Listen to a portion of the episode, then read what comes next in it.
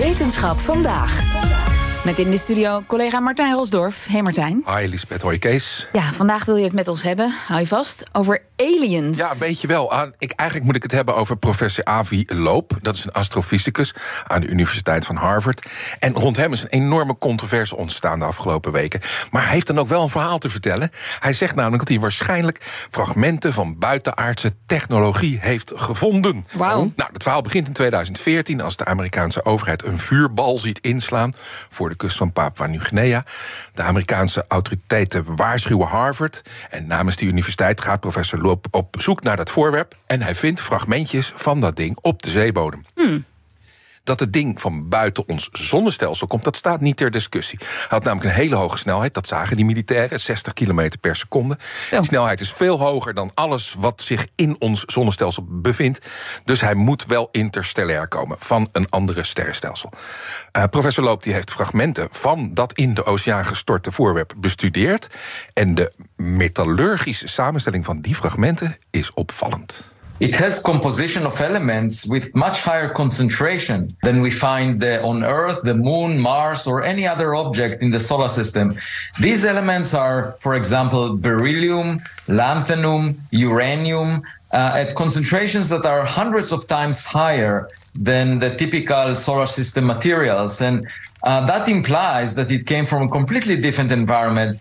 And already, you know, a, a decade ago, this uh, meteor was discovered with a very high speed that implies that it's not bound by gravity to the sun. And now we have the composition as another signature of that. Uh, and the question is, where did it come from? Ja, hij heeft het over de concentratie van bepaalde Ja, stoffen. Wat zegt hij allemaal? Dat, dat hij gruwelijk snel ging. Dat hij bestudeerde deeltjes van een hele vreemde samenstelling zijn. Zeldzame metalen in aparte verhouding, zoals uranium en beryllium. Die wijken met een factor 100 of meer af van wat we normaal in ons zonnestelsel aantreffen. En, en hoe hebben ze dan die, die fragmenten gevonden? Met een magnetische slee. Die heeft hij eh, gewoon over de zeebodem getrokken. En ze hebben 50 fragmentjes van eh, de buitenaardse bezoeker gevonden. Kleine bolletjes. En Martijn, heel even deze professor Loop. Ja. Is dat, is, staat hij hoog aangeschreven in zijn vak? Of nou niet? ja, Harvard is, Ja. zegt, zegt al genoeg.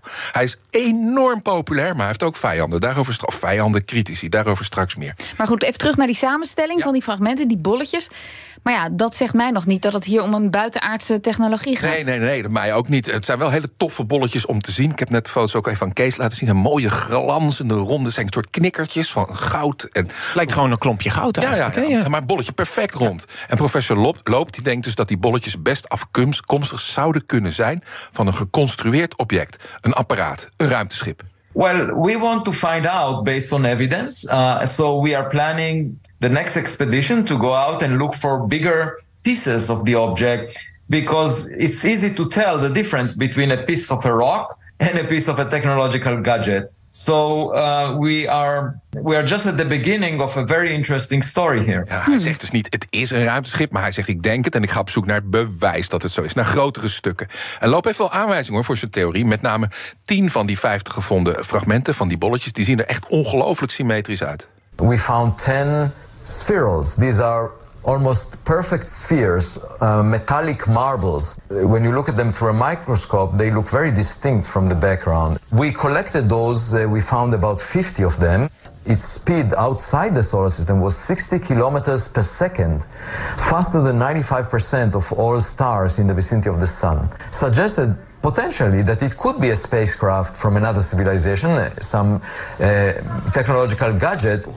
Hij zegt ook, dit wat we gevonden hebben... is dat is tougher than all space rocks ever found. Dus het zijn, is heel erg stevig materiaal. Nou, volgens de professor kan dat twee dingen betekenen. De natuur heeft een hele aparte eh, unit gemaakt... en die is op aarde gecrashed. Of het is gemaakt door een intelligente samenleving. Meer smaken zijn er niet volgens de professor. Nou ja, we hadden het net al even over de loop... eh, die ligt rond zwaar onder vuur. Zijn theorie over een intelligente oorsprong van dat ingeslagen object...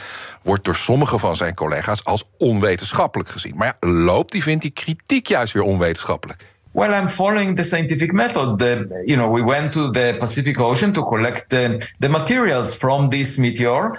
Uh, and then we came back and analyzed them and wrote a scientific paper about it. We are just looking at the clues and reporting them in a scientific paper. And of course, you have to consider all possibilities until the evidence is conclusive. So there is not, no harm done in considering possibilities. I don't know why those people are, are offended by considering possibilities. Wij, wij- het kan geen kwaad, want ik, mijn theorie kan geen kwaad, zegt hij. En zeker niet, ik ben het aan het testen op basis van data en feiten. Maar ja, laten we wel wezen. Het is natuurlijk al enorm spectaculair dat er iets op aarde terecht is gekomen... Ja. waarvan we zeker weten dat het van buiten ons zonnestelsel komt... uit de buurt van hele verre, verre, verre sterren. Maar zijn de mensen van Harvard nog op zoek daar, daar waar die vuurbal insloeg? Jazeker. Naar Ze- meer bewijs? Ja, ja, op twee manieren. Ze, kijken, ze gaan weer met die slee slepen. En ze gaan ook eh, de camerabeelden bekijken die op die slee zat. Ze hebben duizenden uren camerabeeld. En van de zeebodem. En misschien zien ze daar iets op. En alle kritiek is genoteerd hoor. Maar stel, ze vinden een apparaat, een stuk alien technology. Dan doemt er een interessante vraag op. If it's a technological gadget and we find it and it has buttons on it, should we press the button? Stel, we vinden een ding en er zitten knopjes op. Kees, gaan we op die knop drukken? Hè? Zeker. eh, Ja? doen. Ja, joh. Misschien hebben we er wat aan. Het kan het laatste zijn wat je doet. Nou, De ja. hele aarde opslokken ik, of zou, ik zou een robotje misschien bouwen die het dan voor je doet. Maar ik zou wel op de Ja, maar knop ik vind een knop weer heel menselijk gedacht. Ja, vind ik ook. Eigenlijk, waarom zouden ze daar een knop hebben? Nou ja, Ehm, voer voor heel veel discussie en verbeelding. Dankjewel, Martijn Rosdorf. Ook Hugo Reitsma vind je in de BNR-app. Superhandig die BNR-app. Je kunt alle programma's live luisteren, breaking nieuwsmeldingen. Je blijft op de hoogte van het laatste zakelijke nieuws. En je vindt er alle BNR-podcasts, waaronder natuurlijk de belangrijkste, Boeken zijn in de wijk. Download nu de gratis BNR-app en blijf scherp.